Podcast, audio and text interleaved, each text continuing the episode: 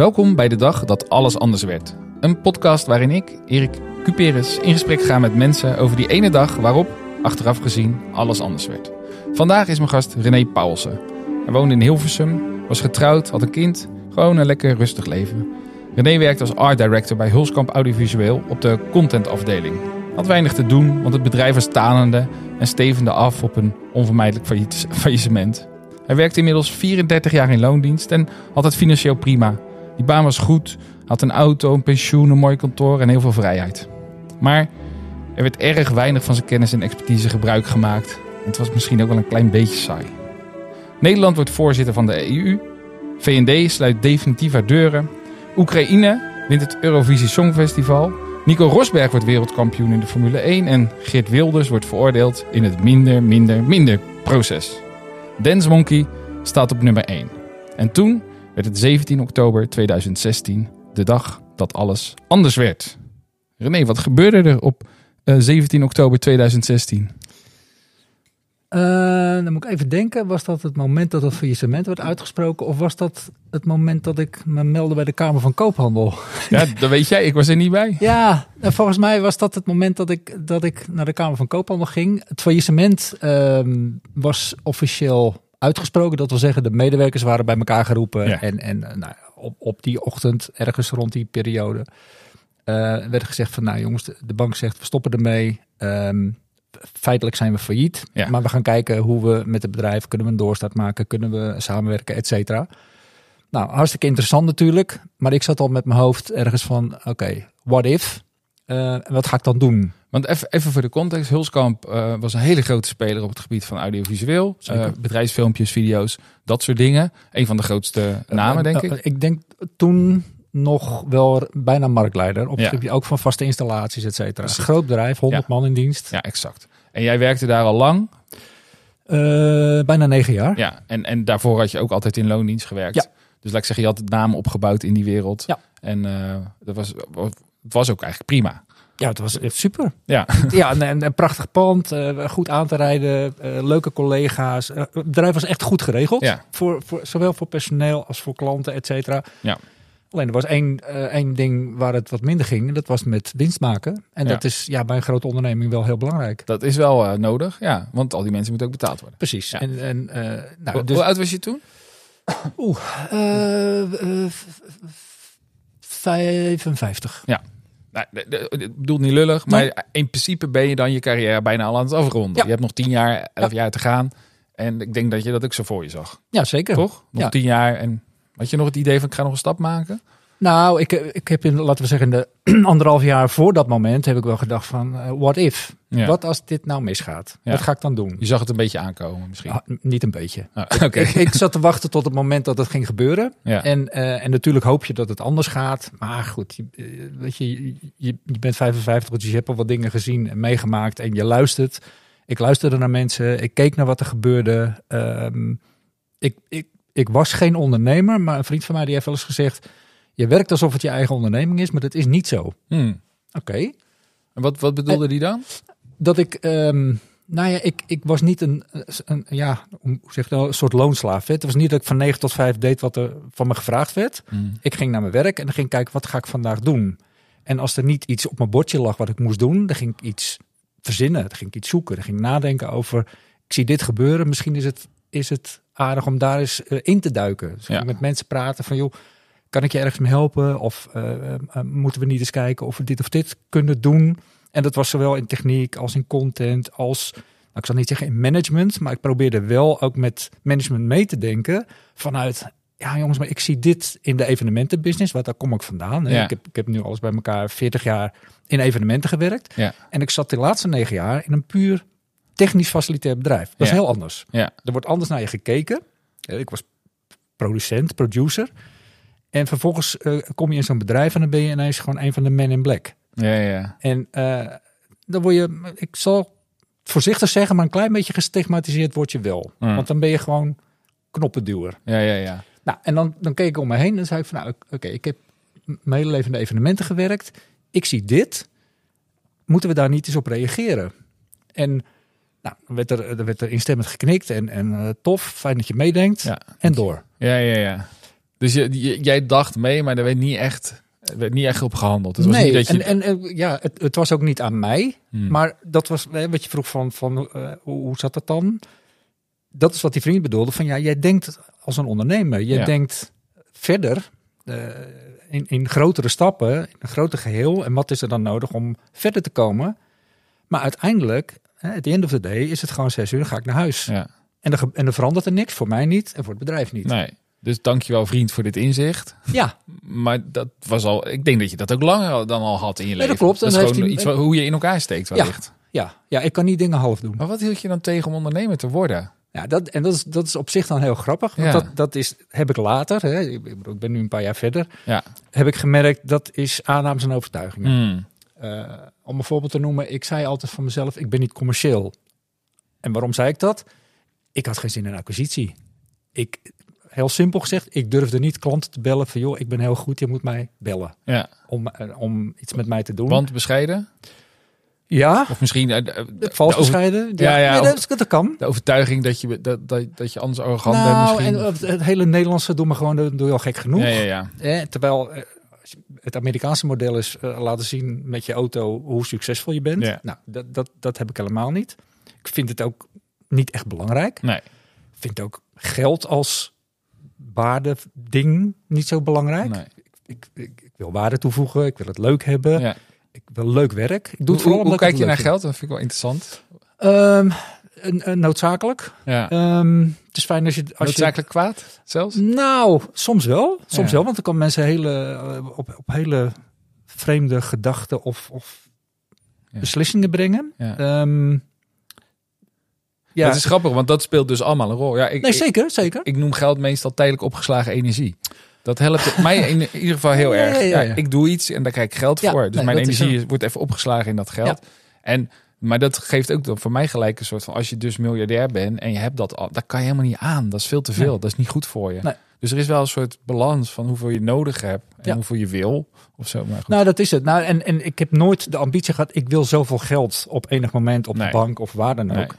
Ja, als dat niet je drive is, dan besteed je daar ook geen aandacht aan. Dan Dus- krijg je een ander soort energie. ja, ja. Dus jij dacht van, oké, als ik ondernemer word... dan moet ik echt de boeren op moeten gaan vertellen hoe goed ik ben... en daar heb ik geen zin in. Zoals ik het letterlijk tegen mezelf en misschien ook tegen anderen zei van, waarom begin ik niet voor mezelf? Ik heb geen zin om achter mijn eigen eten aan te rennen. Hmm. Want zo zag ik het. Ja. Dan, moet ik, dan moet ik dus gaan bij mensen gaan leuren om mij in te huren, Ja. om mij te betalen, zodat ik kan eten. Terwijl je wel overtuigd was. Ja, ja dat, is een, dat is een valse overtuiging. Ja. Maar je was wel overtuigd van wat je kon.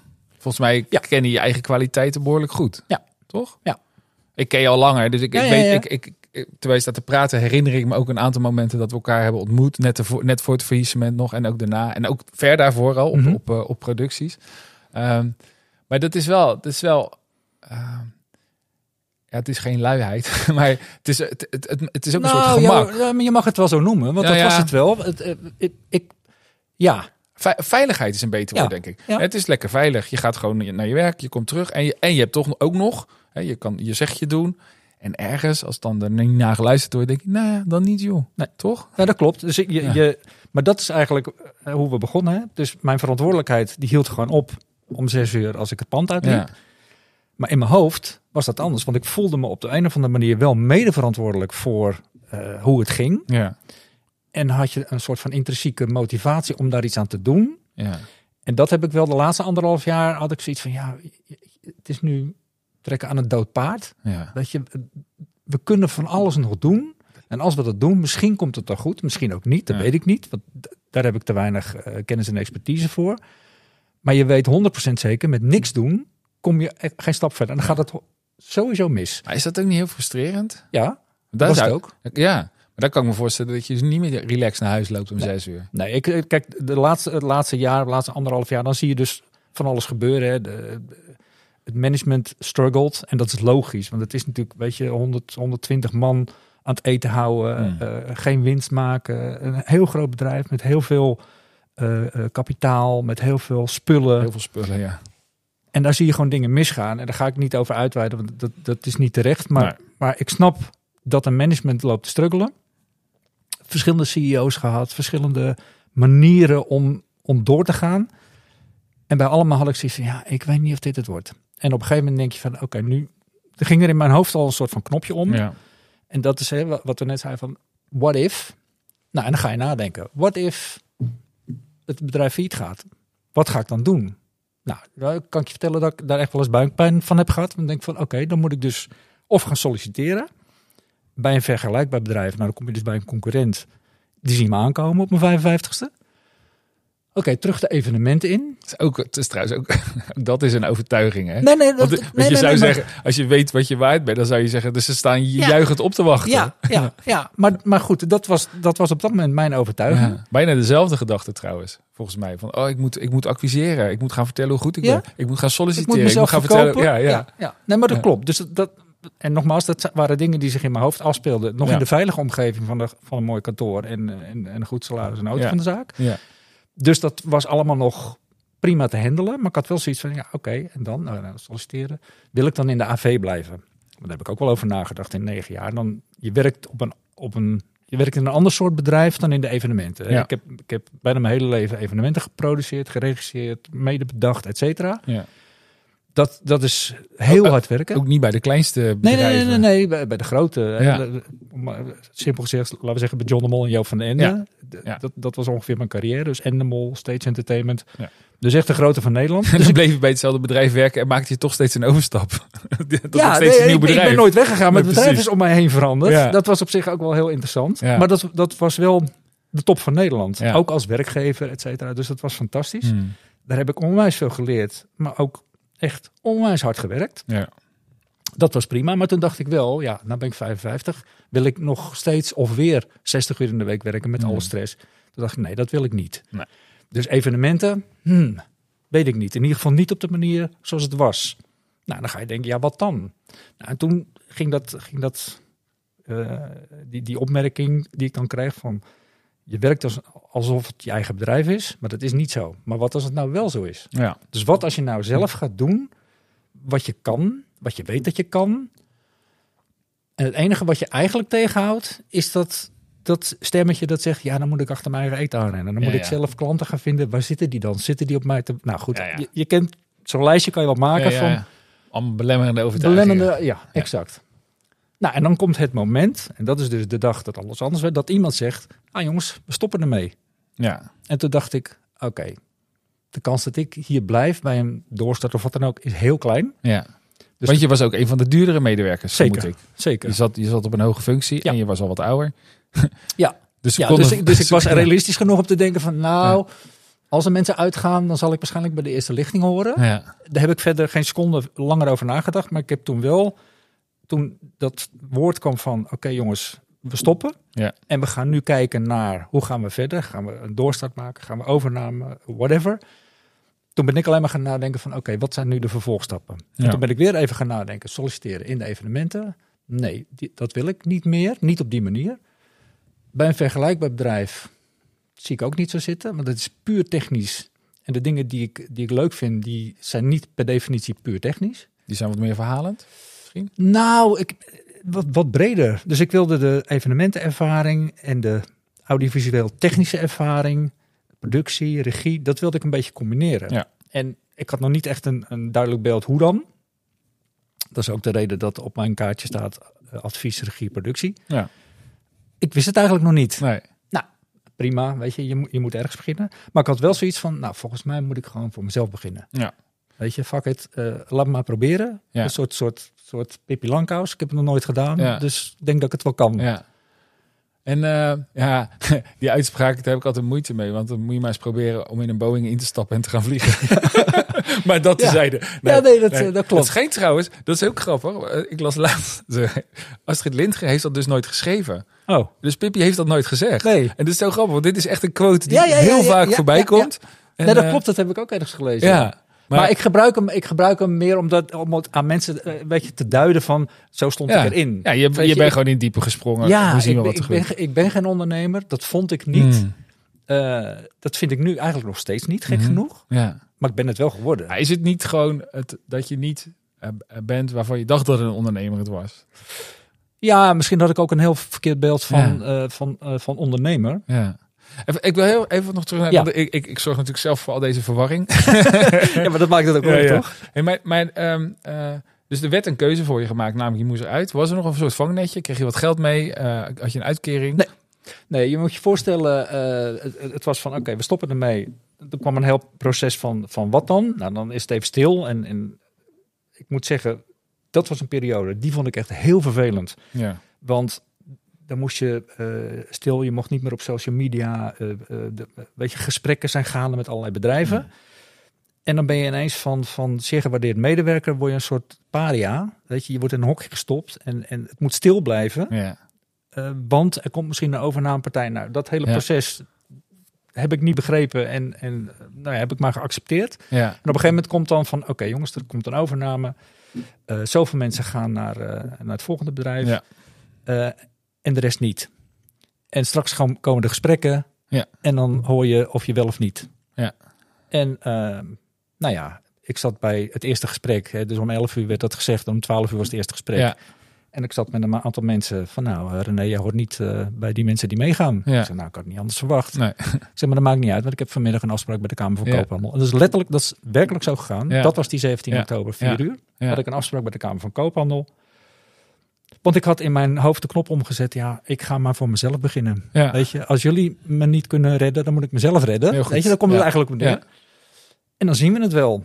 En toen had ik nog steeds, en dat is ook wel interessant misschien voor later, de overtuiging, als dat misgaat, ik kan altijd vakken vullen bij Albert Heijn. Er is altijd werk. Ja. Dus nou, ook een soort van jezelf beschermen. Laten we het maar gewoon Ik zie proberen. je meer als bedrijfsleider trouwens. maar goed, dat ja, is maar dat is weer een ander. Ja, Nee, ja, goed, daar kunnen we het ook nog wel eens over Ja. hebben. Maar in, in elk geval ben ik dus daadwerkelijk. eh, eh, ik ben niet meer naar huis gegaan. Ik heb daar nog even mijn bureau opgeruimd, et cetera. En ik ben smiddags doorgereden naar de Kamer van Koophandel. Daar ben ik gaan zitten en eh, nou, goedemiddag, kan ik voor je doen? Ik ga voor mezelf beginnen. Ja, En toen had ik het idee, die man die zegt, nou hartstikke goed, hier kan je tekenen en klaar. ja, En die zei, neem even een kopje koffie. ja. "Ho- Hoezo? Nou, ik uitgelegd eh, dit en dat. Hij zei, heb je al klanten? Nee, ik kom net van mijn, van mijn werk. Ja, Hij zegt, ga nou eerst even naar het UWV. Nou, ik kreeg echt een hartverzakking. Dat Ja. UWV, dat is iets waar ik absoluut niet mee te maken wil hebben. Nee. Hij zegt, nee, maar ze hebben een hele mooie regeling. De startersregeling kan je een half jaar beginnen met ondernemen. Kan je je bedrijf opstarten. Kan je Ja. nadenken over Ja. dingen. En als dat goed gaat, dan Ja. maak je de keuze. Hè, want de keuzes eh, zijn belangrijk. Ga ik wel of ga ik niet? Nou, die man die heeft, eh, ik bedoel, briljant. Daar ben ik hem nog steeds dankbaar voor. En dat heb ik gedaan. Ja. Dus ik ben naar het UWV gegaan. Ik heb gezegd, dit wil ik. Oké, nou, ga je gang. Ja. En het grappige was, mijn grootste angst was acquireren. En Mm. toen zeiden ze, je mag niet acquireren. Oké, Je mag wel ondernemen, dus je mag gewoon alles doen wat je wil. ja.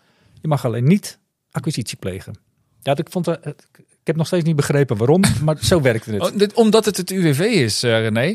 Bij het Snap UWV doen ze dingen net even anders. Maar goed, ik ben daar heel goed geholpen door... Hoe kun je door- nou ondernemen zonder te acquireren? Ja, ja maar dat, ja, dat, dan moest je eerst dat half jaar door... dat je daadwerkelijk En hoe, ingeschreven bent. en hoe nou, controleren ze dat? Ja, weet ik niet. Maar goed, ik... ik eh, Sorry, ik ben echt helemaal ja, totaal lost. Het is echt... eh, maar snap je? Maar Ja. zo, zo ging dus... ja. Dus nee, eigenlijk, dat- maar eigenlijk kwam dat jou heel goed uit. Oh, ik mag niet acquireren. Nee. En, en je mocht, eh, eh, geloof ik wel, een website ontwikkelen, maar je mocht nog niet live. En, en nou, het, het er zijn. En dat had die man van, van de Kamer van Koophandel ook tegen mij gezegd. Hij zegt van, het is een hartstikke mooie regeling. Je krijgt gewoon een zakje geld mee. Eh, je mag ondernemen of verdienen een ton in de maand. Prima. Je hoeft niks te verrekenen. Je krijgt gewoon dat geld. Maar je moet wel door een aantal hoepeltjes springen. Ja, ja. En dat zijn een paar regels. Ja. Nou, ik heb me keurig aan die regels gehouden. En dan na een periode van een half jaar of drie, nou, na een Hmm. aantal maanden, ik geloof een half jaar, dan kom je daar weer. En dan is eigenlijk de vraag, nou, wil je door als ondernemer, Ja. dan stop je uitkering. Ja. Dat is, dan is ook alles wat je hebt opgebouwd, je hele carrière is weg. Ja. Dat verdampt gewoon, denk ik. En dat was in mijn geval 23 maanden WW. ja. Wat op zich best wel 23 serieus jaar, is. ja, dat is Ja. 23 jaar eh, loondienst. Ja. Dat is se- serieuze euro's. Dat is, dat is wel iets waar je dan over denkt van, oké, dus als dit stopt, dan heb ik nul. Ja. Ehm, maar die, die, die mevrouw aan de andere kant zei ook van, ja, volgens mij komt dat wel goed. Ja. Als ik jou zo hoor en zie en ik zeg, nou, ik denk het ook. Ja, Laat maar doen. precies. Nou, en toen, eh, toen was ik dus officieel eh, ingeschreven en ondernemer, et cetera. En toen ben ik begonnen. Ja. Eh, noodgedwongen en Ja. een beetje. Ja, maar toch ook wel uit overtuiging. Ja. Ten positieve overtuiging. Van ja, nee, dit ga ik wel gewoon doen. Ik, ik zit even, het was eh, ja, 2016. Dus, eh, dus dit was dan eind 2016, Ja, begin dus 5, 2017. 5 december eh, eh, Ja. is mijn onderneming officieel Ja, gestart. Sinterklaas. Ja. Superleuk, Ja, cadeautje. ja. En, en eh, ja, wat gebeurde er toen? Want jij moest, je moest toen wel gaan acquireren. Ja, nou dat mocht natuurlijk nog niet. Maar toen ben ik wel, eh, eh, ik, ik, nou ja, ben gaan nadenken, er moet een website komen. Van wie moet dat? Maar goed, Ja. dat heb ik mezelf verteld. Ja. Er moet een website komen. Dus ik ben, eh, gaan kijken van hoe kan dat voordelig. Dan kom je ergens op, eh, nou ja, als je ook briefpapier laat maken, dan heb je voor weinig geld een website. Ja. Dus dat hele traject. En daar heb je dan ook dat geld voor. Dus je hebt tijd. Ja. Je hebt nog geen omzet, maar je hebt wel tijd en een beetje geld om dat soort dingen uit te zoeken. Ja.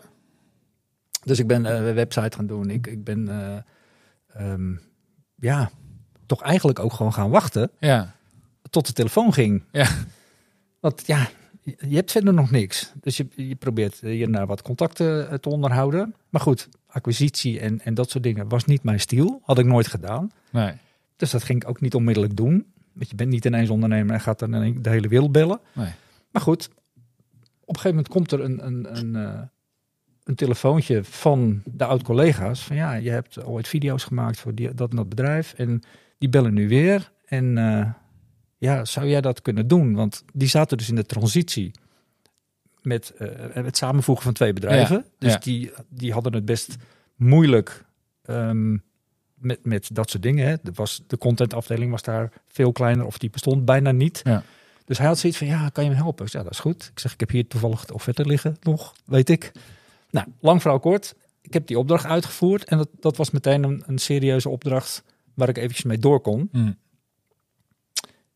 En vervolgens belde er af en toe iemand die zei van, ja, ik heb begrepen dat je nu voor jezelf eh, begonnen bent. Ja. Kan je ons helpen met dit en dat? Kan Want dat? Je had natuurlijk een behoorlijk netwerk opgebouwd in al die jaren. Zonder dat ik dat wist. Ja.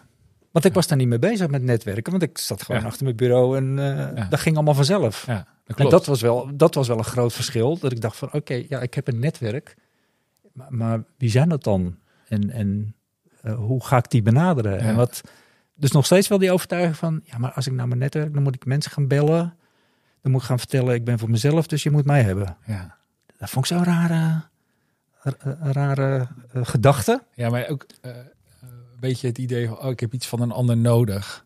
Ja, En dan, eh, dan vinden ze me misschien wel eh, stom. Of eh zeuren. nou, ja, of, eh, ja, ja. dat is een beetje dat bedelen. Ja, ja, ja. Van, eh, ja, ik, eh, ja. Het, het is het tegenovergestelde, is waar hè?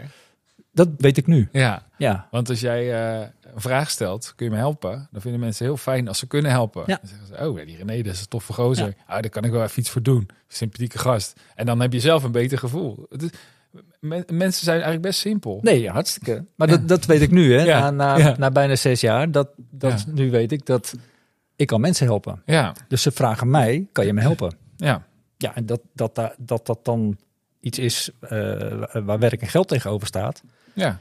Vind ik een mooie... Tijdelijk opgeslagen energie, toch? Ja, Ja. ja dat vind ik op zich wel een mooi, eh, Hoe, mooie hoe, deal. hoe was dat de eerste keer dat, dat, dat je dan... eh, dus de eerste keer was blijkbaar dat bedrijf waar je net weg was.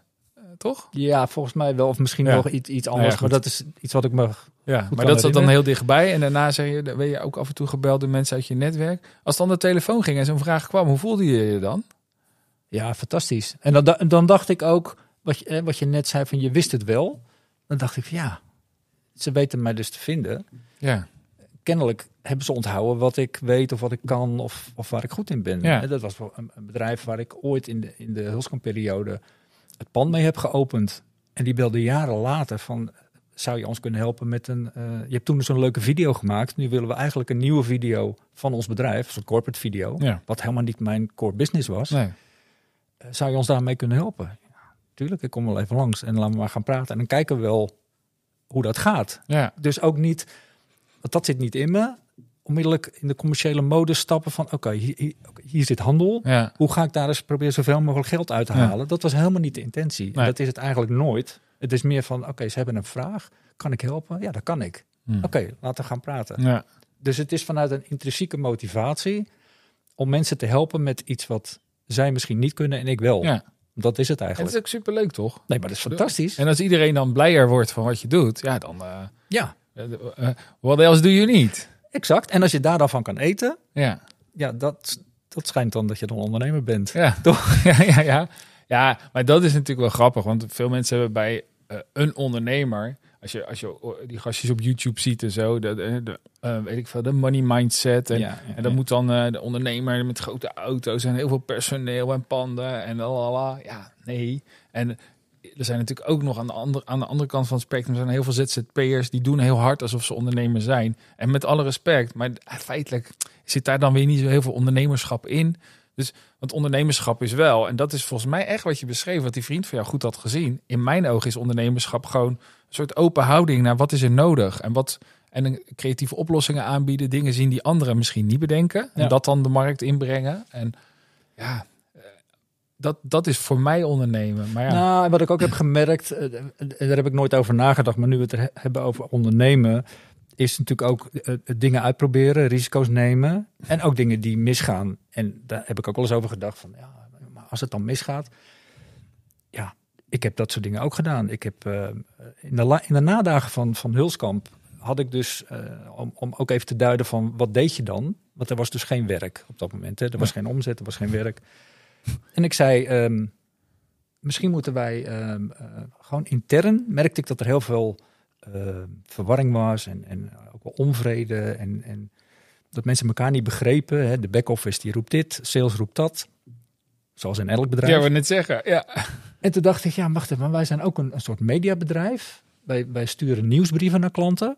Papier, vier foto's en een hoop tekst. Ja. Maar we hebben 600 camera's op de plank Ja. liggen bij spreken. Toen dacht ik, kunnen we daar niet iets mee doen? We hadden een kantoor, dat was al leeggehaald. Daar hebben we een, eh, een greenscreen opgehangen. En eh, daar ben ik gewoon eens een pilot gemaakt van een, van een nieuwsuitzending, videonieuws. Ja. Vijf minuten. Iets over de verkoop, iets over de eh, ehm, verhuur, iets Ja. over contentcreatie, iets over human interest. Ja. Vier onderwerpjes, heel kort. Die is 25 jaar bij de zaak. We hebben een mooi project gedaan voor eh, dat het bedrijf. Heb ik een pilot gemaakt. Nou, veel mensen vonden het leuk. En toen heb ik aan, aan Eduard Hulskamp, die toen even de, de contentafdeling leidde, gevraagd van, ik zou dat het liefst gewoon elke week doen. Ja. Maandagochtend om half negen, iedereen een nieuwsbrief. Gewoon om met elkaar zoiets te hebben van, oké, dus dit zijn we met z'n allen Ja. aan het doen. Met een positieve insteek.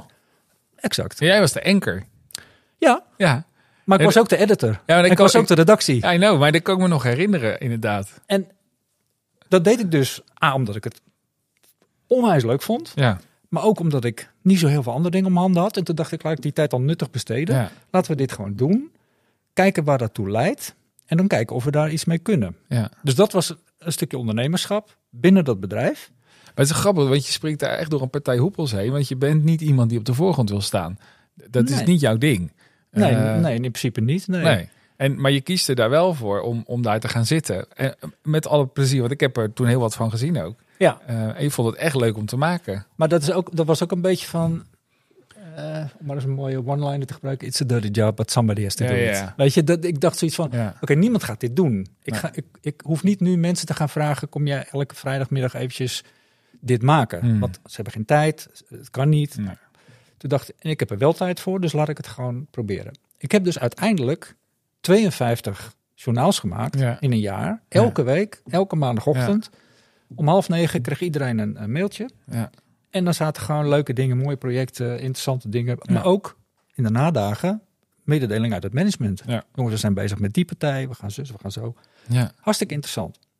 De doelstelling was, als we dit nou hebben en we komen bij een klant en die klant die zegt van ja, ik, zit, ik wil nog een beetje dit, heb je nog iets leuks? Dat je kan zeggen van kijk, dit doen wij bijvoorbeeld voor onze Ja. interne communicatie. ja. Vindt u dat niet leuk? Willen jullie dat ook elke week? De potentie, hè? Met 20 man op sales, die laten we zeggen gemiddeld twee, drie afspraken in de week hebben. De commerciële potentie. Dus toen dacht ik, waarom jongens gas geven ja, daarop? ja, ja. En nee is ook een antwoord, maar als je niet vraagt, krijg je ook geen nee, maar Nee. zeker geen ja. Nee. En om even dan terug te komen op waar het over ging, toen was ik voor mezelf begonnen. Toen dacht ik, ja, put your money where your mouth is. Ja. Ga dan zelf ook videonieuws maken. Ja. Dat ben ik gaan doen. Ja. Sterker nog, ik heb flyers laten maken, foldertjes, geïnvesteerd, een mooie kleuren dingetje. Niks. Ja, shit happens. Ja, ja. Dus dat, Ja. toen dacht ik, oh ja, dit is natuurlijk ook ondernemerschap. Je probeert iets, het werkt niet. Het slaat niet aan, Ja. om welke reden dan ook. Nou, in de prullenbak met die handel. Kill, kill your darlings. En door. Ja. Ik het ook wel meegemaakt. geloof er nog steeds in trouwens, maar Ja, Nou, het is grappig, nee, want ik, ik zit te bedenken. Ik heb natuurlijk in die coronaperiode, zullen we zo ook nog wel opkomen. Ben ik op een gegeven moment ook andere dingen gaan doen. En onder andere natuurlijk allemaal live. eh, en toen dacht ik ook, ja, hoe, hoe gaaf zou het zijn als je een wekelijks of een maandelijks programmaatje maakt. Met, met precies dit. En dan, eh, vanaf mijn kant is het dan met iets meer grappen en een beetje eh cabaretachtig. Maar een soort mini-talkshowtje, 20 minuutjes. En dat heette, god, hoe noemden we dat nou? Nou, daar kom ik zo op. Eh, dat is grappig, zo, zo ver weg is het inmiddels. Ehm, de thuiswerkshow, zo heette het. Ah ja. En ehm, nou, mensen boekten dat, eh, maar boekten het allemaal voor één keer. Ja. En ik had het echt bedacht als een soort terugkerend Ja. ding. Dus op zich wel een beetje succesvol. We hebben dat best wel vaak verkocht. Maar achteraf dacht ik, eh, wat, wat gek dat mensen dat commitment niet aangaan. Maar volgens mij is dat precies het probleem. Ja. Dat ze dan een soort commitment aan moeten gaan voor iets wat ze niet kunnen overzien. Nou, dat merkte ik ook toen ik ze intern maakte. Ik vond het superleuk om te doen. En ik zei ook, jongens, dat nieuws maken, zo'n nieuws maken is op zich eh, niet zo heel ingewikkeld. Je Mm. moet er even voor gaan zitten. Ja, Ja, maar we, we hebben niks te melden. Dat is onzin. Ja. Je moet gewoon even kijken in je agenda. ja. Ik, en, en zeg tegen mij wat je gedaan hebt. Dan probeerde ik er wel een nieuwsitem van te maken. Ja. Maar mensen kwamen dus niet. En dan liep ik op de gang en dan hoorde ik mensen praten. Ja, we hebben daar eh, 82 camera's geïnstalleerd. Ja. Kom eens hier. Waar was dat? Kan ik daar met een camera naartoe? En dan ging ik gewoon met een camera naartoe. En dan draaide ik een item van een minuut. Ja. Dus gewoon, hè, de, de, Ja. de- hoe heet die? Maar ja, eh, weet je, heel eerlijk, je had natuurlijk ook gewoon dat bedrijf, daar was verder niet zoveel meer te doen. Dus je had jezelf daarvoor vrijgemaakt. En je hebt de spullen, Ja, je hebt de middelen. Ja, Maar het, eh, wat je zegt, dat klopt. Als je dan naar, hè, dat zat ik wel eens met, met, een, met iemand te praten en zei ik van, is, is dit niet iets voor jou, videonieuws? ja, Laten we beginnen met één keer in de maand en dan Ja. doe je er zes. Gewoon eens kijken wat er gebeurt. En dan was de grootste drempel was eigenlijk, ja, ik heb niet zoveel nieuws. Of, ja, dan moet ik het toch, redactioneel moet je de tijd in stoppen. ja, Ja, ja. als je dat niet doet, heeft het geen, Nee. geen zin. Want je moet, er is wel een doel. Je probeert je klant of je medewerker eh, iets te vertellen of tot iets te bewegen. Als je dat commit niet aangaat, nee, dan moet je het niet doen. Wat, eh, wat, wat, wat, wat wilden ze wel van je? Ja, ja, toch wel vooral meedenken, heb ik het idee. Want ik heb vooral de laatste tijd, eh, corona komen we vast nog wel op, maar daar heb ik wel gemerkt dat, dat ehm, eh, klanten, eventmanagers, bureaus zoekende waren. Ehm, ja, eh, dit is wat we willen. Het begon heel vaak met techniek. Ja. Er was een perceptie dat ik technisch zeer onderlegd was. dat valt wel Je mee. zegt het op een manier dat.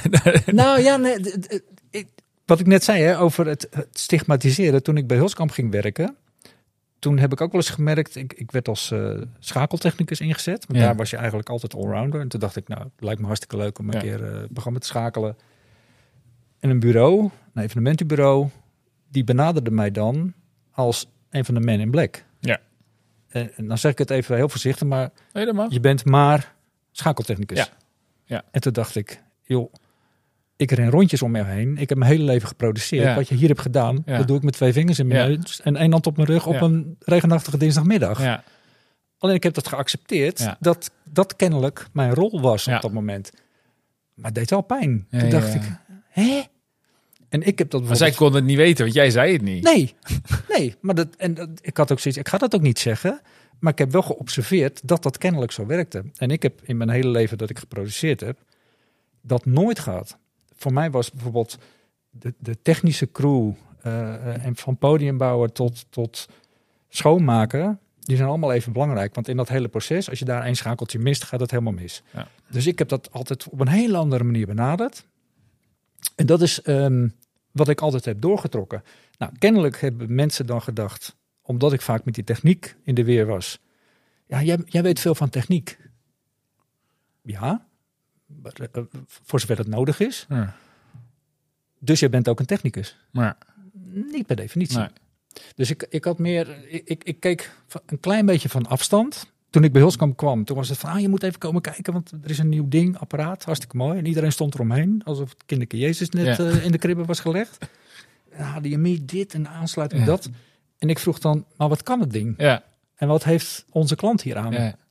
Dus dat was het verschil. En dat heb ik altijd vastgehouden. Ik vind Ja. techniek fantastisch. Ik vind, vind die spulletjes leuk. Ik vind op knopjes drukken vind ik hartstikke leuk. Maar wel, het moet wel een doel dienen. Het moet Ja. wel ergens eh, voor zijn. En wat ik heb gemerkt is, dat mensen dan bij mij kwamen en zeiden van ja, dan moet ik dit. En dat is technisch heel complex. Ik zei ja, met alle respect, voor jou is het heel complex. Mm. Voor mij niet. Nee. Ja, techniek moeilijk, moeilijk. Nee, voor mij is techniek twee telefoontjes. Ja. Als jij me vertelt wat je van plan bent, Ja. kan ik met twee telefoontjes dat voor elkaar krijgen. Ja. Wat wel belangrijk is, is moet je er even bij zeggen hoeveel geld je hebt. Eh, Dat gaat er niet om dat ik dat geld moet hebben, maar we moeten een bandbreedte weten. Maar, hier, maar hier, is, hier, hier kom je gelijk in het, het grootste probleem in de evenementenbranche volgens mij. Of, of ja, ehm, want er zit bijna altijd een partij tussen. Sorry, evenementenbureaus. en die verdienen gewoon geld aan het inzetten van spullen. Ja. Want er gaat een percentage op. Ja. Dus zij hebben er baat bij om zoveel mogelijk spullen naar binnen te sjouwen. De, En, en, en er- mensen. nee, en, natuurlijk. en dus ik, ik- dat vind ik dus heel lastig. Om, om, want soms kun je een event ook draaien, bij wijze van spreken, zonder spullen en mensen. Door gewoon een goed idee. Ja. En dan is het goede idee is gewoon de waarde. Maar ja, als bureau, als jij, eh, nou ja, ik hoef geen namen te noemen. Als jij een groot bureau hebt en je hebt een paar honderd man werken, of, 50, weet ik veel.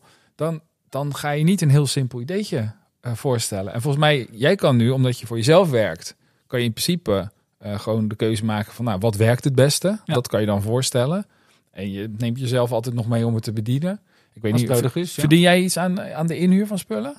ja, een beetje. Ja. Ja, ik ben er heel transparant Ja, nee. Dat, dat, dat, heb ik, dat heb ik in mijn evenementen. Het klopt wat je zegt. Kijk, bureaus die, die, eh, die bestaan bij de gratie van alle mensen om hen heen eigenlijk. En bureau, een bureau is een soort van...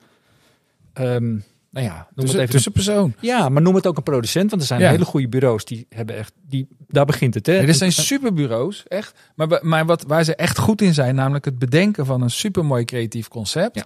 Daar kunnen ze bijna geen geld voor vragen, gek genoeg. Dus Ja, de, Daar dat, wil ik het zo ook nog wel even over toch? hebben. Nou ja. En, en dus moeten ze het verdienen met de procenten op alles wat, ze, wat vervolgens nodig is om dat concept uit, uit te nutten. Maar ik heb het meegemaakt dat ik ergens in een zaaltje stond waar 40 mensen keken en achter me stonden negen moving heads. Eh, Dames en heren, dat zijn bewegende lampen en die kosten ongeveer 300 euro per stuk. Die voegen niks toe aan mijn voorstelling, maar echt helemaal niks.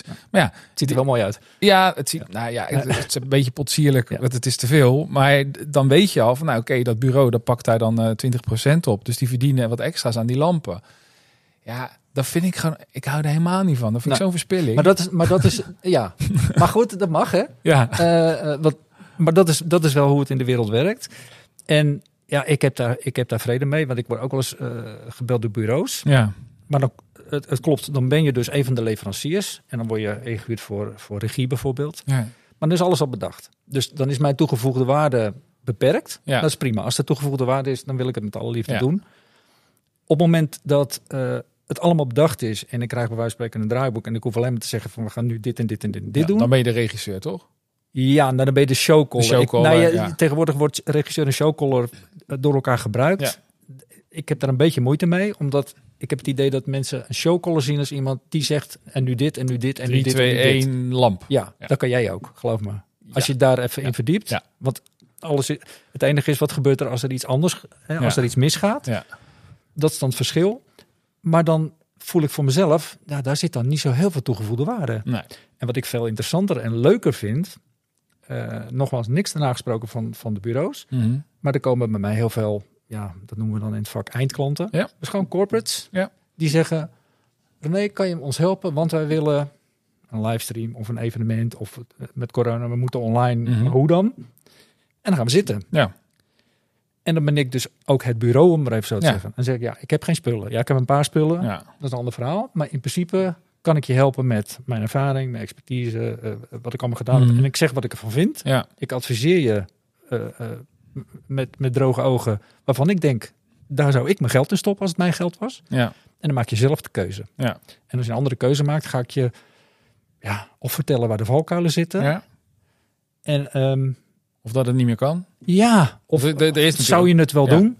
En uiteindelijk, zo- zolang als ik het nu doe, is dat altijd eh, gebleken dat we samen tot iets eh, eh, zinvols komen ja. en waardevols binnen een bepaald budget. Reken, re- budget. reken je daar gewoon voor, dat, voor dat concept, reken je daar gewoon uren Ja. voor? Ja, en dat, dat vind ik heel frappant, hè? want je zei net terecht van die bureaus die, die maken een fanta- fantastisch plan. En ik heb natuurlijk jaren bij de Grote van Nederland gewerkt. Ja. En we hebben echt een periode gehad dat we dachten, jongens, we zijn nu met vier man een, een plan aan het schrijven. Hmm. Samen met nog vier andere bureaus. En één van die Ja. Gaat met de klus er vandoor. Maar je geeft al ja. gewoon 3000 euro uit Ja, als bedrijf. Dan kan je maar beperkt doen. Ja. Hoe kan het dat een reclamebureau, die beginnen gewoon, die zetten een groene bril op met een groot leeg vel, beginnen met een dikke viltstift te schrijven, ik zie groen, ik zie paars, ik zie rondjes en vierkantjes. En sturen gewoon een dikke rekening. En er is ook nog niks. Waarom kunnen we in de evenementen eh, niet ook tegen een opdrachtgever zeggen van... oké, we gaan voor jou zitten, we gaan iets bedenken. Dat kost je x. En als je het doet, gaan we het uitvoeren. Dan krijg je er iets van terug, Ja, whatever. ja. Ehm, krijgen we het niet? Nou, alle respect hè. Misschien Mm. heeft een ander een beter of leuker mooier idee. Maar het werk wat we erin hebben gestoken, dat moet toch wel betaald worden? Ja. Als, jij een, als jij een huis laat bouwen en je laat een architect tekenen, moet je gewoon betalen. Ja, maar de, ja, goed, ja, eh, je hoeft tegen mij hier niet over, want ik ben het helemaal met je eens. Het is Nou, meest ik- absurde, maar goed. Precies. En ik heb gemerkt, dan belden mensen mij en dat is echt letterlijk zo gegaan van joh, kan je met mij eens even nadenken over een evenement in de coronatijd? Het moet online, het moet leuk. Nou prima. Wat kost dat? Ja. Toen dacht ik, hé, hey, dat is interessant. Ja. En eigenlijk heel logisch. Ja, eigenlijk alleen maar omdat je andere klanten eh, hebt dan. Die zijn dat namelijk wel gewend. Ja.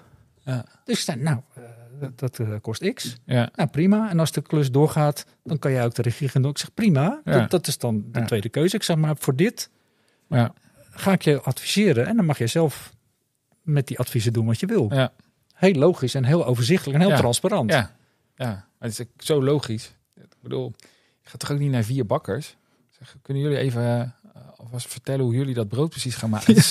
ja, ik blijf dat echt absurd vinden. En trouwens, bij de, in de reclamewereld gebeurt het soms ook wel eens een beetje met pitchen. Maar ja, anyway. Is- Nou, maar ik, ik, wat, wat ik toen ik bij, eh bij Events werkte, eh, in de hoogconjunctuur, zat, hadden wij echt een afdeling van, ik denk vier, vijf man. Ja. Dat was eigenlijk een- bijna een offertefabriek. ja. Maar het was niet een offerte, het waren allemaal plannen. Er Ja. zaten visuals bij, er werden cartoonisten ingehuurd. eh, er zaten echt creative editors die een plan schreven. En ik deed heel veel begrotingen. Ja. Zo'n gemiddeld plan kostte 3.500 euro. Ja. Ja. Ja, dat is lekker als je er eh, 70% van scoort, Ja. maar niet als dat 20% is. Nee. Ja, ik, ik weet het echt. Nee. Dus, ik, dus om even aan te geven dat die bureaus, daar is ook wel een reden waarom ze dat verdienmodel hebben. Omdat Ja. ze vaak heel veel tijd en Ja. geld en energie moeten spenderen, dat tot niks leidt. Ja. En dat moet ergens vandaan komen, je hebt een grote overheid. Ja, ik ben altijd heel simpel. Je hoeft het niet te doen. Nee, dat Je, klopt. je kan ook gewoon zeggen: kijk eens, dit is mijn website. Dit zijn alle dingen die wij gedaan hebben. Wij, wij doen onze evenementen op deze manier. Dit is onze overtuiging en dit is onze energie. Wil je dat we voor jullie aan het werk gaan, net als voor al die andere klanten? Dan ben je welkom. Ja. Dan kost het x. En als er daar één groot bureau mee begint, dan zullen er echt wel andere volgen. Want ik, Nou, maar ik ben, ja, daar ben ik 100% mee eens. Want dat is, ja, dat klinkt heel bijna arrogant misschien, maar Mm. dat doe ik ook. Ja. Als een, als een klant bij mij komt en zegt, van, ik wil dit en dit en dit, en kan je zo zeggen, nou, dit past bij me. ja, Ik denk het wel. ja, Goed Ja. idee. Ja. Of, nou, nee. maar dat is ook veel beter, joh. Want dan- dan, dan ga je ook gewoon de dingen doen die, die eh, bij je passen en goed zijn. We duiken nu heel diep de evenementenbranche. Maar ik ben, ook- ik ben ook, ja, nee, dat maakt niet uit. Dat vind ik ook leuk. Ja, ik, ben- ik ik vandaan. ook wel een beetje benieuwd naar jou, want je bent dus, eh, je was altijd al ondernemer, maar je deed het niet. en toen moest je ineens, onderne- Simon. Ja. toen moest je ineens eh, ondernemer doen. En eh, wat, wat gebeurde er verder in je leven daardoor? Hoe, ben je veranderd? Hoe ben je veranderd? Mm, ja, nee, ja, ik ben zeker veranderd. Zou je ooit nog terug willen in loondienst? Nee. Oké, dat was heel helder. Nee, niet als het niet strikt noodzakelijk Nee. is. Weet je, als de hele wereld in de fik staat en, Mm. en alles eh, stopt. Nou ja, nogmaals, dan kan ik altijd nog vakken vullen bij Albert Heijn, Ja, om het maar even zo te zeggen. Dus er is altijd werk. Ja. Eh, er komt dus ook altijd eten. Daar ben ik nooit bang voor. Maar niet, ehm, niet in loondienst met alles wat daarbij hoort. En ik bedoel, er zijn positieve kanten, namelijk veiligheid, Ja, ja. Weet je, salaris, autootje, pensioen, eh, uitkering, noem maar op, als het misgaat. Ja, ja. Maar ja, wat heb je eraan als het misgaat? Die Eh, wil gewoon leuk werk. En aan de mensenkant, want als je bij een bedrijf werkt, dan zijn er wel altijd collega's. Ja. En een beetje grauw hoer Ja. en een reuring. Als je in je eentje werkt, is dat toch heel anders. Ja, het is heel grappig. Ik- ik- het- Er stond net een post op LinkedIn van, een- van een gewaardeerd eh, collega. Die, die zat met een groepje en die zei van ja, het is toch leuk als je dat soort evenementen, dan heb je eigenlijk eh, heel veel verschillende collega's. Want Ja. zo zie ik ze, hè, Mhm. de, de, de mensen van techniek, et cetera.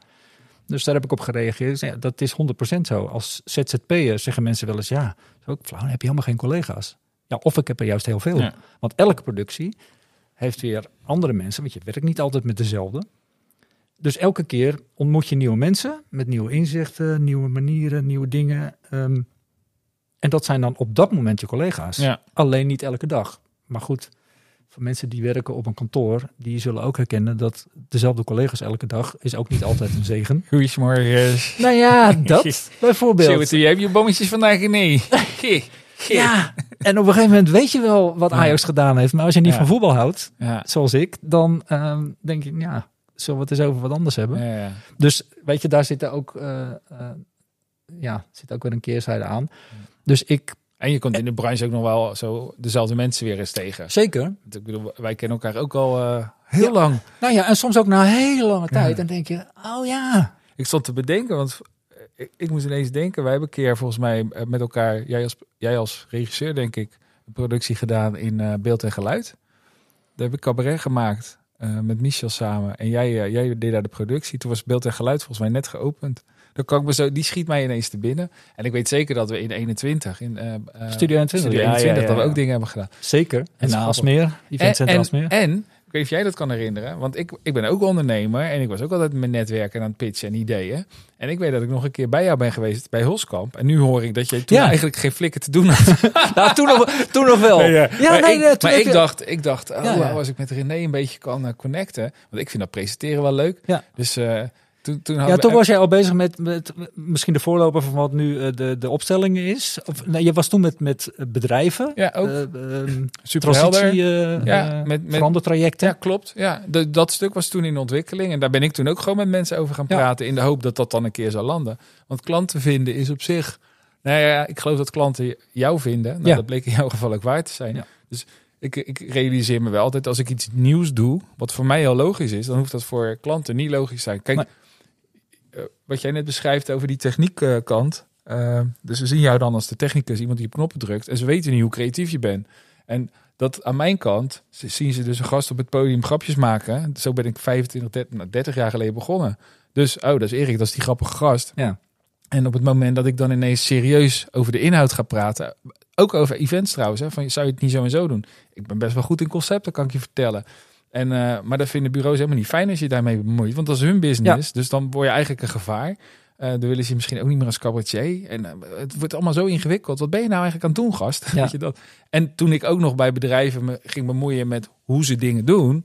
hey, dat is hartstikke leuk dat jullie gaan reorganiseren. En misschien ook wel een goed idee. Maar als je het zo gaat doen, denk ik niet dat het gaat werken. Ja, wat staat die clown daar nou? Jij was toch die grappen ja, precies. Dus, dan, dus toen dacht ik, ja, ik moet wel gewoon met mensen gaan praten over wat ik dan ook te bieden heb. En Ja. dan hoop je dat dat zaadje een keer ergens. Nou, eh, dat, maar dat landt. heb, ik, Ja. dat heb ik dan in de afgelopen zes jaar wel geleerd. Hè? Want ik bedoel, dan, dan ben je ineens ondernemer en dan... ehm, ik dacht even, heel veel dingen weet ik. Nou, wat ik dus bijvoorbeeld niet wist, is dat je ehm, moet differentiëren. Mhm. Dus ik begon eigenlijk met... eh, eh, eh, de, de vraag wordt dan gesteld, voor wie ben jij eh, interessant Ja. in de markt? Ja. Ja, voor iedereen die iets met evenementen doet. Ja, ja, ja. Ik heb mijn hele leven evenementen gedaan, dus het maakt Ja. niet uit. Het gaat over catering, over beveiliging, over logistiek, techniek, eh, inhoud. Kom maar. Ja, ik dan weet komt er dus geen hond. Nee, nee. En dat heeft echt een tijd geduurd voordat ik dat iets meer kon pinpointen. En dat is eigenlijk de, de, de tweede dag dat het anders werd. En dat was corona. Ja, Dat was natuurlijk voor iedereen. Maar in tegenstelling tot voor heel veel mensen in de evenementenbranche waar, waar corona, ik vind dat zo leuk als mensen er een zelfstandig naam wordt van maken, de corona. de corona. De corona die heeft ervoor gezorgd dat ik geen werk meer heb. Ja. Dat was natuurlijk in de evenementenbranche was het echt hel op aarde. Ja. Heel veel mensen hebben geen idee, maar ik heb dat echt wel gezien. Alleen voor mij ging er een wereld open. ja, Het was ongekend. knopjes en spulletjes. Maar het, de grap was, ik, ik moet zeggen, daar heb ik dan wel, als ik dan mezelf even als ondernemer mag eh, positioneren. En waar ik zelf heb gezien van, oh ja, dit is ondernemerschap en, en dit heb je volgens mij goed aangepakt.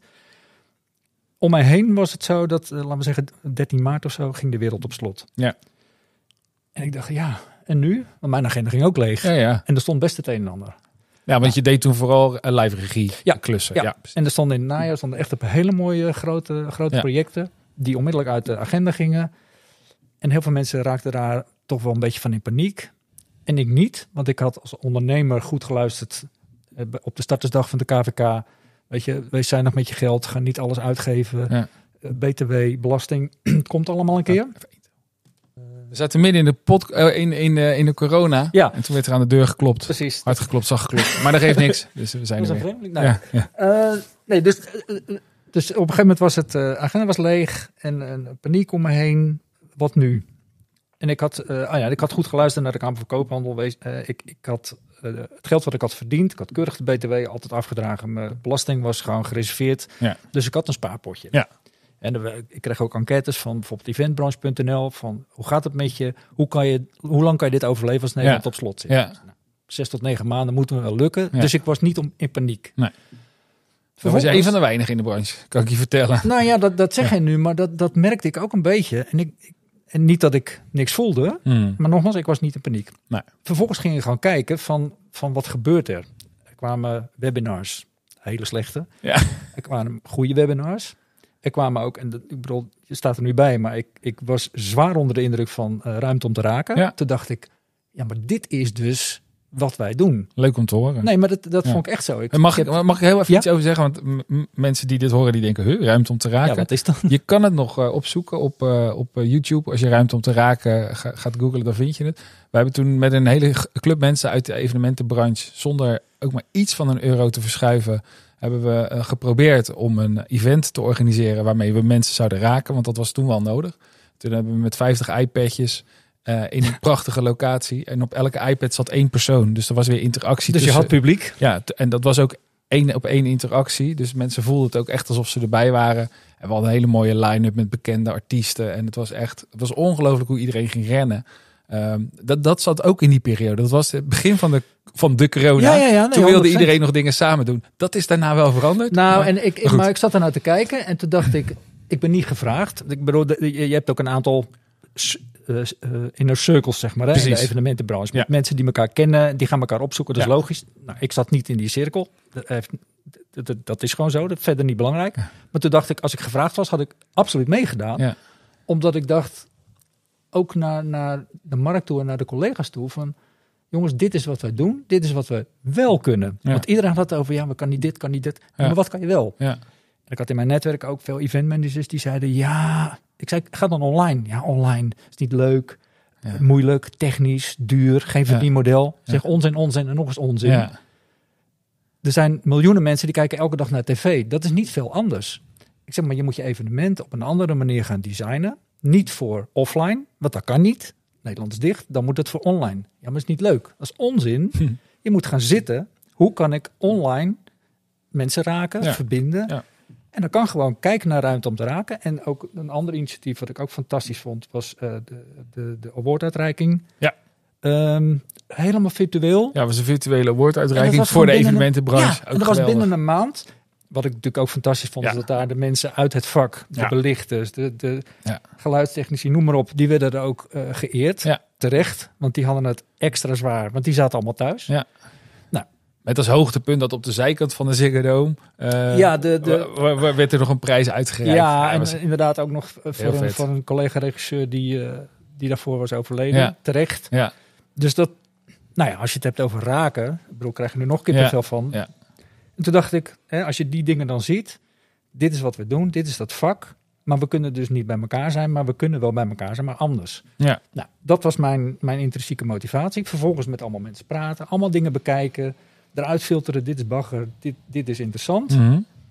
En dat ben ik gaan communiceren. Van jongens, het kan wel. Het grappige is Maar- eigenlijk dat dat videojournaal wat je toen maakte, was bij, bij, voor, bij voorbaat of eh, bij uitstek een voorbeeld van een, een, zou een kunnen. productietje wat prima werkt Ja. online. Ja. Eh, kort, snel, eh, ziet er leuk uit en is technisch helemaal niet zo moeilijk. Nee. Want de spullen zijn tegenwoordig natuurlijk ook zo dat je in je eentje kan je televisie maken. Ja. Nou, dat kon vijf jaar geleden niet. Nee. Dus dat is ook te gek. Ja, Nee, want daar is ook heel veel in veranderd. En, en wat ik toen merkte was dat, eh, ja, ik ging dat gewoon communiceren. Ik ging het hardop zeggen. En ik ging het steeds harder roepen. ja, Wat kan er wel? En toen zat ik in mijn netwerk. En dat was een, ook een omslagpunt. In mijn netwerk, dat, eh, dat heette toen ZEP, Zelfstandig Event Professionals. Heel veel mensen, eh, dagvoorzitters, decorateurs, eh, lachworkshop, eh, producenten, Ja. techniek. En dan, daar voelde ik zoiets van, ja, het is allemaal moeilijk, het is allemaal zwaar. Toen zei ik van, oké, nou ben ik er klaar mee. Wij gaan nu een evenement organiseren, voor onszelf, van onszelf. Ja. Dan ga ik je laten zien dat voor 85% van de mensen in dit netwerk is er gewoon wel werk Ja. online. Ja. Dat heb ik eh, geproduceerd. Dus we hadden twee technische partijen. We hebben in een magazijn hebben we een studiootje gebouwd. Twee mensen die iets met decoratie doen, hebben twee setjes gebouwd. Twee dagvoorzitters. eh, een lachworkshop op afstand, gewoon via Zoom. Nou, lang verhaal kort. We hebben daar gewoon een programma gemaakt van anderhalf uur, waar we met z'n allen naar hebben zitten kijken. En voor mij was dat eh, een, een eye-opener die ik al had van, zie je, dit kan gewoon. Ja. En dan kan je vrij snel optuigen. En dat is leuk, als je het maar op de juiste manier doet. En voor die mensen was het ook zoiets van, ja, want hadden een beentje. Die speelde gewoon thuis. Via Facebook Ja. kwamen die binnen. Ja. Nou goed, ik hoef het jou niet uit te leggen. Ja. Iedereen had gewoon zijn taak. Eh, eh, mensen, de gastvrouwen die gingen pakketjes rondbrengen. Borrelpakketje Ja, ja, ja. van flesje champagne en een slinger voordat je gaat kijken. Allemaal dingen die later door bedrijven zijn uitgerold. Mensen die goodiepakketten zijn gaan exploiteren. Dus dat is allemaal in die periode ontwikkeld. Ja. En wij deden dat in het begin al. Het Nou, kwam eigenlijk door die vraag, wat kan wel? ja, en als je daar dan op focust. Nou, en vervolgens was het in de zomer. Nou, eh, de zomerevenementen is dood, hè? Dan gebeurt er niks. Toen kwam voor mij, eh, of- toen kwam op een gegeven moment september. En iedereen had zoiets van, ah, weet je, het najaar, daar gaan we los. Gaan we alles inhalen. Mhm. En toen kwam het bericht, we gaan nog niet los. We blijven nog even dicht. Ja. En toen ging de telefoon. Want toen dachten mensen, ja, Nu, Q4. nu gaan we het doen, ja. Q4 moet, eh, er moeten de marketingbudgetten Ja. worden uitgegeven. Dan Ja. moeten we communiceren. En toen ging de telefoon, René, ik moet online helpen. ja. Ik zei, nou, kom maar. En dan kwam René met zijn atem.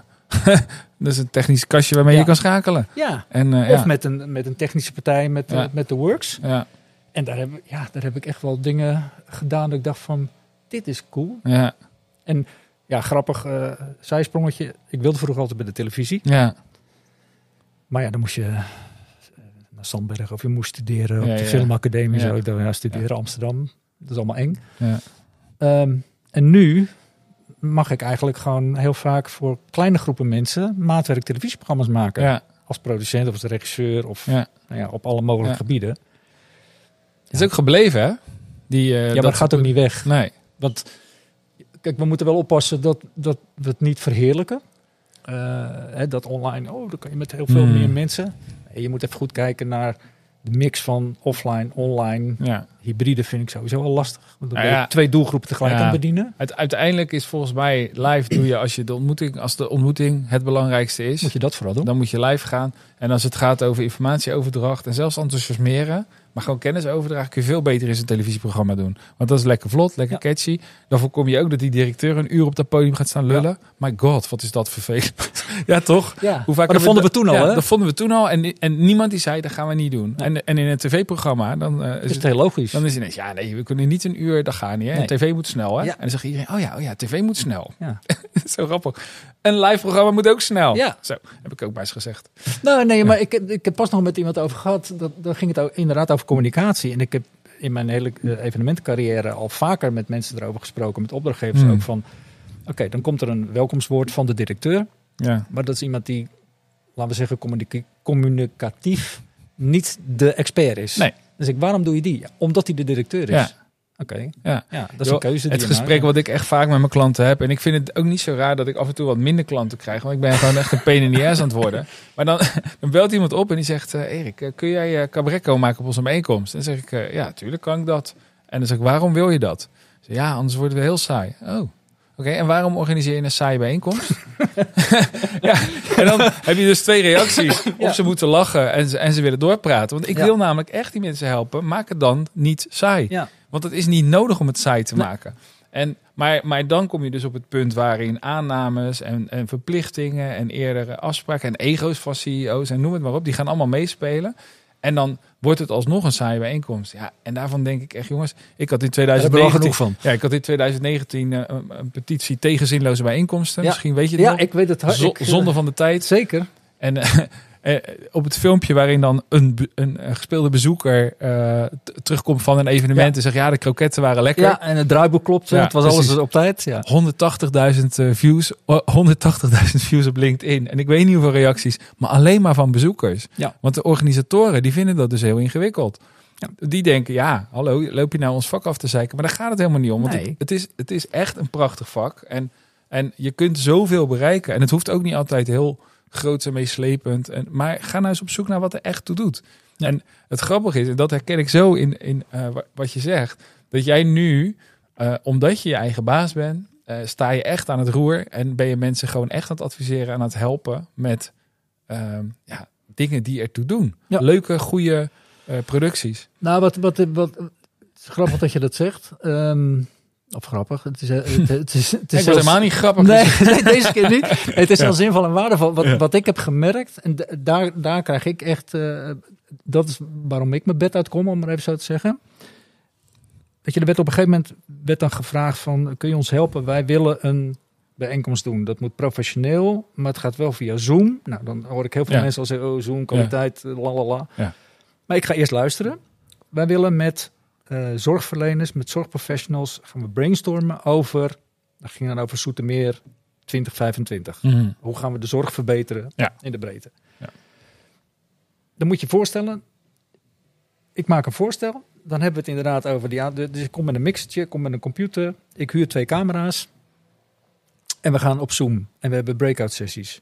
Twee dagen lang, van 9 tot 6. Terwijl ik anderhalf jaar daarvoor heb ik continu geroepen: jongens, hou het kort. Want mensen die aandachtspannen is Ja, niet zo lang. En soms, I'm proven wrong. ja. Want wat gebeurde daar? Om negen uur kwamen er honderd mensen.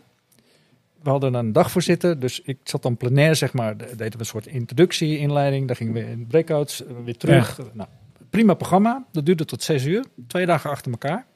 In die twee dagen zijn er twee mensen afgehaakt. Eén, Ja. omdat hij medische ingreep moest doen. En één, omdat hij een begrafenis had. Ja. Kortom, twee dagen hebben honderd mensen volledig committed dat hele programma gevolgd. Ik viel echt van mijn stoel. Ja. Toen dacht ik, maar dat is krachtig. ja. Dus het heeft niks te maken met de techniek. Nee, nee. Met het circus en met... Is het belangrijk? Is het belangrijk? Dat is Zij vonden het belangrijk. Ja, precies. Want eh, eh, ik weet, heb jij wel eens medische congressen gedaan? Eh, ja, Maar de- met artsen in de zaal, want da- da- daar, daar val ik dus letterlijk van mijn stoel. Die beginnen om 9 uur s ochtends en die duren ook tot 6 uur meestal. Met een hele korte lunchpauze en twee keer een kleine koffiepauze. En het enige wat er gebeurt is dat er andere artsen op het podium staan, 10 minuten meestal. En die laten een filmpje zien wat echt gruwelijk is. Ja. En die hebben dan iets van, PowerPoint. ja, die hebben dan ja, echt wat bloed en zo. En dan hebben ze iets ontdekt en dat wordt dan, dat wordt dan een nieuwe waarheid. Die, eh, die moet je meenemen. En dan zit je dus met een zaal vol met eh, allemaal darmartsen of zo. En, maar de- dat is voor hun is dat zo belangrijk in hun werk. Dat ze dus gewoon geen enkel probleem hebben om van 9 tot 6 in die zaal te luisteren naar hun Nee. collega's.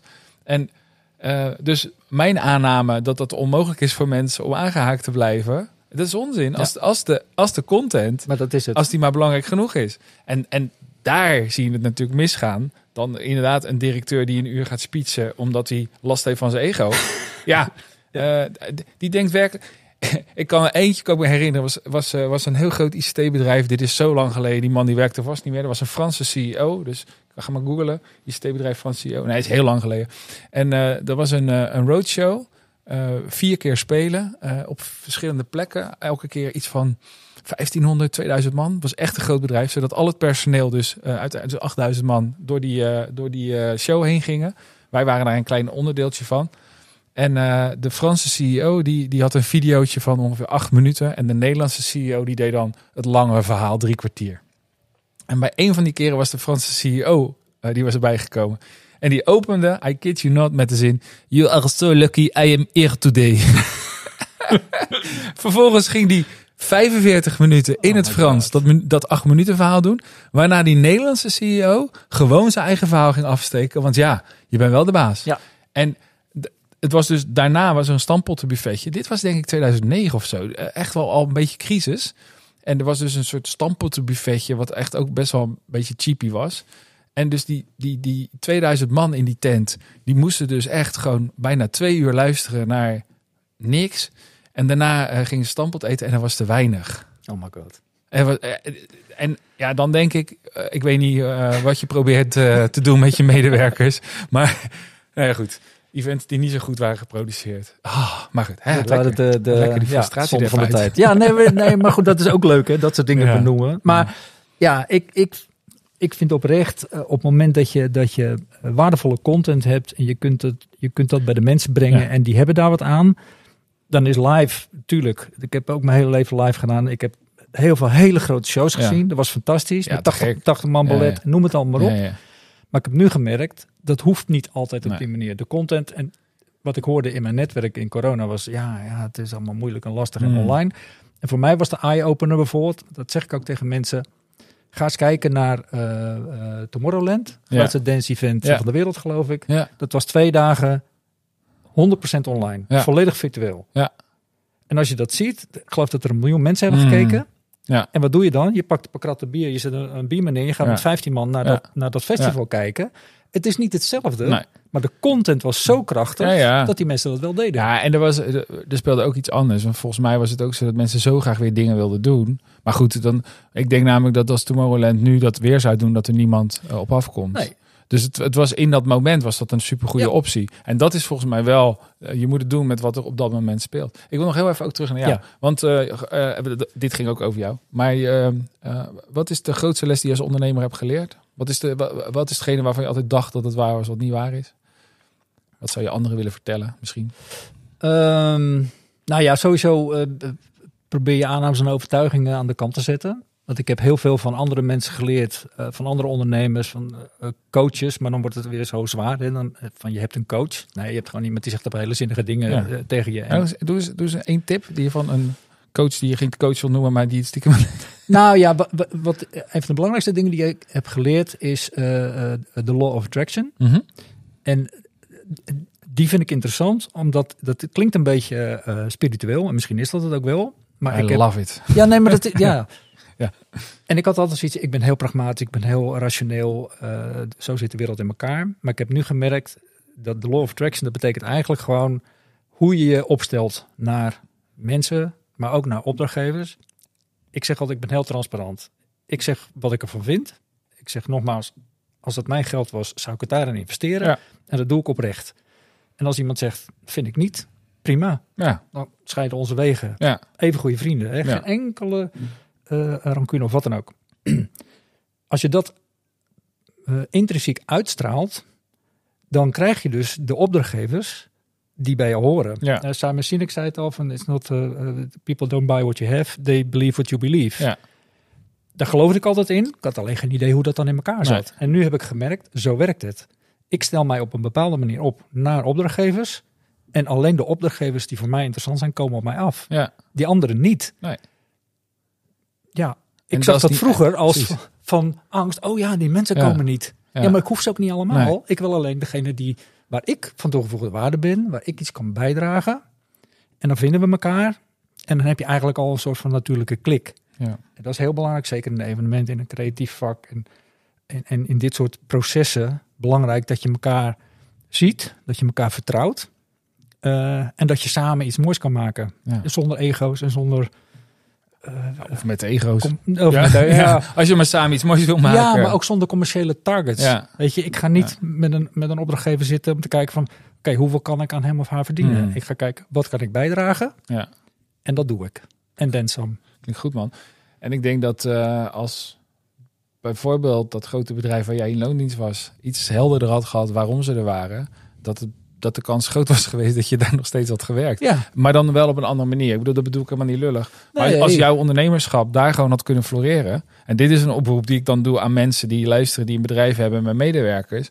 Ja. Al, al- als je dat soort medewerkers hebt, laat ze gewoon lekker hun gang gaan en Nou, genieten en, van. en luister, luister Ja. naar de mensen eh, op de vloer. Om bedrijf te Ja. Dat is altijd zo'n dooddoener. Mensen op de vloer. Maar die weten het. Die moeten het doen. Die, moeten, die praten op de weg met klanten. En jongens van de buitendienst, die, die komen de problemen tegen met laden lossen. Met, met, Maar als, als alles gestuurd wordt op targets, als alles gestuurd wordt op eh, KPI's, als alles gestuurd wordt op omzet, eh, uiteindelijk ben je dan wordt dat je doel. Hey, je, wordt, je bent ten dode opgeschreven. Ja. Het is gewoon echt einde oefening. Eh, En dat geldt volgens mij voor elk bedrijf. Nou ja, dan komen we heel diep in de Ja, politiek. Dat gaan we niet doen. Nee. Ehm, want volgens mij zijn we wel zo ongeveer rond. We begonnen bij dat grote bedrijf waar jij weg moest. Dat zag je al aankomen. En daarna is het volgens mij je leven veel leuker geworden. ja, 100 procent. Ja. Ja, en ik, nou, ik doe nog steeds de dingen die ik deed daar ook de dingen die ik leuk vind. Eh, alleen ik kon er te weinig van doen. Nu doe ik alleen maar de dingen die ik leuk vind. En dat, dat, ja, dat klinkt bijna banaal. Dat is het niet. Ik denk dat voor iedereen geldt. Doe de dingen die je leuk vindt. Ja. Dan word je er goed in. Dan word je er blij van. En anderen worden er ook blij van. Ja. En als je dingen doet die je niet leuk vindt, moet je ermee stoppen. En, en, en, en misschien ook wel als je dingen doet voor mensen die je niet leuk vindt. Ja, maar dat werkt ook niet zo Nee, goed. precies. En dat, maar dat merk je snel genoeg. Ja, En, Ja. en ik denk juist, ja, weet je, probeer het met z'n allen eh, leuk te houden. En wees niet bang om ook gewoon ergens nee tegen te zeggen. Om Ja. welke reden dan ook. Want je zult merken, als je nee zegt. Ik heb een aantal keren in mijn carrière nee moeten zeggen. ja, Ook eh, op, op promoties en dat soort dingen, Ja. managementfuncties. En dan denk je, oh mijn god, wat gaan ze ervan vinden? En Ja. meestal was het vooral respect. Ja. Wat goed dat je nee zegt. Ja. Ja. ik vind dit niet leuk. Ik ben hier niet goed in. Dit werkt niet. Hier wordt niemand blij van. nee. Moet je het gewoon lekker niet doen. Ja. Doe vooral wat je wel leuk Super, vindt. supergoed advies. Ik, ik zit ook inderdaad, dat heb je bij klanten ook wel eens. Dat, soms zeg ik gewoon nee tegen een opdracht, omdat ik gewoon ja, denk dat het geen goed idee is. En, ehm, Dat kan ook. Ja, en dan, dan merk ik eh, dat ik dan... Meestal, meestal doe ik het ook... Ik bedoel, het is geen trucje, maar ik ben er dan ook echt zo, zo aardig mogelijk over. Dan zeg ik, nou, dit is jullie idee. En als jullie geloven dat het werkt, dan je moet je het vooral doen. zo doen. Maar Ik zonder mij. ik kijk er anders naar, dus ik geloof er niet in. Maar eh, ja, misschien moet je even die en die bellen. Wellicht dat dat past. Of Ik, ik, ik wil ook namelijk dan nog steeds helpen. Ja. Eh, en Oh negen- ja hoor, ik Maar 9 van de 10 keer gaat die klant dan wel. twijfelen. ja, en dan. Want dan zijn ze ineens ge, ge- geïntrigeerd door. Oh, maar hè? Als je het zo hard Oh, je- opzet. ja. ja. Ja. En de, nou ja, ik, ik, ik twijfel echt of ik wel eens nee heb gezegd waarna het echt niet doorging. Volgens mij is bijna altijd daarna het gesprek geopend. En ik zet het niet in als trucje. Nee, nee, nee. Maar je, ik, je staat ergens voor, Ja, toch? Ja. Want dat, dat, dat is wel belangrijk dat je Oh, dat ergens dat voor vind ik staat. leuk dat je dat zegt. Want eh, je hebt mijn website natuurlijk al gezien. Mijn nieuwe ja. website. Ergens verstaan. Nee, maar, nee, maar, dat- nee, maar, dat, maar niet, ik zeg het niet om die Nee. reden. Maar ik, ik zeg ook van, ja, dit, dit is wat ik ervan vind. Ja, En doe daarmee wat Ja. je wil. En als je, als je iets heel anders vindt, nou prima. ja, Maar mensen gaan sowieso twijfelen. Want als je ergens voor staat, dan is het ook vaak zo dat je, ja, noem het dan maar even vanuit het universum, ke- het vaak wel aan het, eh, eh, eh, bij het rechte eind hebt, ja, heb ik gemerkt. Maar ook, eh, kijk, en als mensen zeggen nee, want zo is het en zo gaan we het doen Mm. en ik heb gelijk. ja. En dat kan ook wel eens zo blijken. Ja, ja. En dan zeg ik ook eerlijk, joh, hartstikke gelijk. Ja. ja, ik kan het ook hartstikke fout hebben. Ja. Maar het, het probleem is wel dat als ik denk dat het niet werkt, want ja, je brein volgt ook gewoon eh, wat je gelooft. Ja. Aangezien we verhalen vertellen zijn. Dus als ik denk dat het niet werkt, kan ik het in ieder geval niet meer gaan doen. Want ik Nee. denk namelijk dat het niet werkt. Nee. Nou, dan, dan wordt het weer heel ingewikkeld. En, en eh, dat, dat vermogen heb ik inmiddels wel eh, redelijk voor elkaar. Om alleen maar de dingen te doen waarvan ik denk dat het wel werkt. Ja. En, eh, eh, en dan kan het achteraf nog wel eens niet werken. Want ja, dingen gaan ook wel eens anders dan dat je ze verwacht. Maar, Maar eh, eigenlijk wat ik, eh, wat ik Ja. net zei, de law of attraction, die werkt twee kanten op. Ik heb het ook wel eens gehad dat iemand mij belde voor een, voor een, eh, mooi project. En ik voelde hem niet. nee. Toen had ik, ik had zoiets van, nou ja, heel, heel simpel gezegd. Ik weet niet of ik hier zin in heb. Nee. En uiteindelijk ging het ook niet door. Nee, nee dat klopt. Dus, Dus, ja, en dat was niet omdat ze mij niet wilden, Ja. maar gewoon er gebeurde iets. Dus dat is ook iets wat dan vanuit het universum of zo op je afkomt. ja. Als je het niet wil, ja, dan krijg je het ook niet. Nee. Trust the process. Ja, Dat roep ik ook heel vaak. en dat vond ik wel een eye-opener. eh, Ja, eh, als je je vraagt over ondernemerschap, wat is er veranderd? Nou, dat is veranderd. ja, Ik ben eigenlijk vrij relaxed. Het komt op me af of niet. Ja. En, eh, en wat op me afkomt is, is doorgaans goed en leuk. Leuk man. Heb je nog wensen?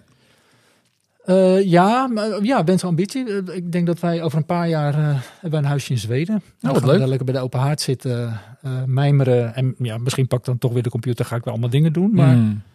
ehm, ja, dat is dat. Je gaat maar je wil emigreren. Nou, emigreren is een groot woord, maar Verhuizen naar Zweden. Nee, ja, maar, het- maar ja, we hebben het er wel eens over. Het kan, het kan ook zo zijn dat je daar eh, drie maanden zit Ja, of een ja. half jaar of zo. Ja. Maar gewoon een soort van iets heel anders dan, dan in Hilversum Ja. achter mijn computer Ja. of, of op locatie eh, regie doen. Dan ga je Zweeds leren en dan ga je producties ben ik, mee voor, be- ik voor ben, Ikea maken. ben bezig met Duolingo. Echt? Ik heb al zeven dagen... eh, Nou, zeg eens, zeg eens iets Zweeds. eh, eh, eh, eh, ja, ik weet hem even. het, het man. Ja, ik ben een man of. Nee, ik, ik- nogmaals, ik ben zeven dagen bezig. Ja. Dan heb je vier woorden geleerd. Man, uh, kvinna, dat is vrouw. heel goed. Pojke is eh, een jongen en ehm flika is meisje. Nou, die, die nou, dingen. hallo. Hey. Dus, Als ja. dit geen reclame voor Duolingo is, dan weet ik het niet meer. En waarom zou je geen reclame maken voor iets Ja. wat gratis is? Ja. Ik vind het fantastisch. Dat leuk? Dat vind ik ook leuk voor deze tijd. dingen dat- leren, Dat dat gewoon zo kan, ja. hey, we gaan er een puntje achter zetten. Ik vind het goed. Ehm, ik vond het super leuk en ik ben blij eh, voor jou dat je eh, bij een bedrijf werkt wat fiet ging. Want daardoor ja, ben je gewoon Ja. super leuke dingen gaan doen. ja, 100 procent. En dat was allemaal op eh, 17 oktober 2016. Dit was de dag dat alles anders werd. Dankjewel voor het luisteren. Als je dit soort verhalen nou tof vindt om te horen, abonneer je dan en laat een review achter. Ik heb geen enkel verdienmodel aan deze podcast te hangen, maar ik vind het wel super tof als deze mooie verhalen terechtkomen bij de mensen die er iets mee kunnen. Of die er iets aan hebben. Dus, nogmaals, dankjewel voor het luisteren. Deel, like, abonneer en tot de volgende aflevering.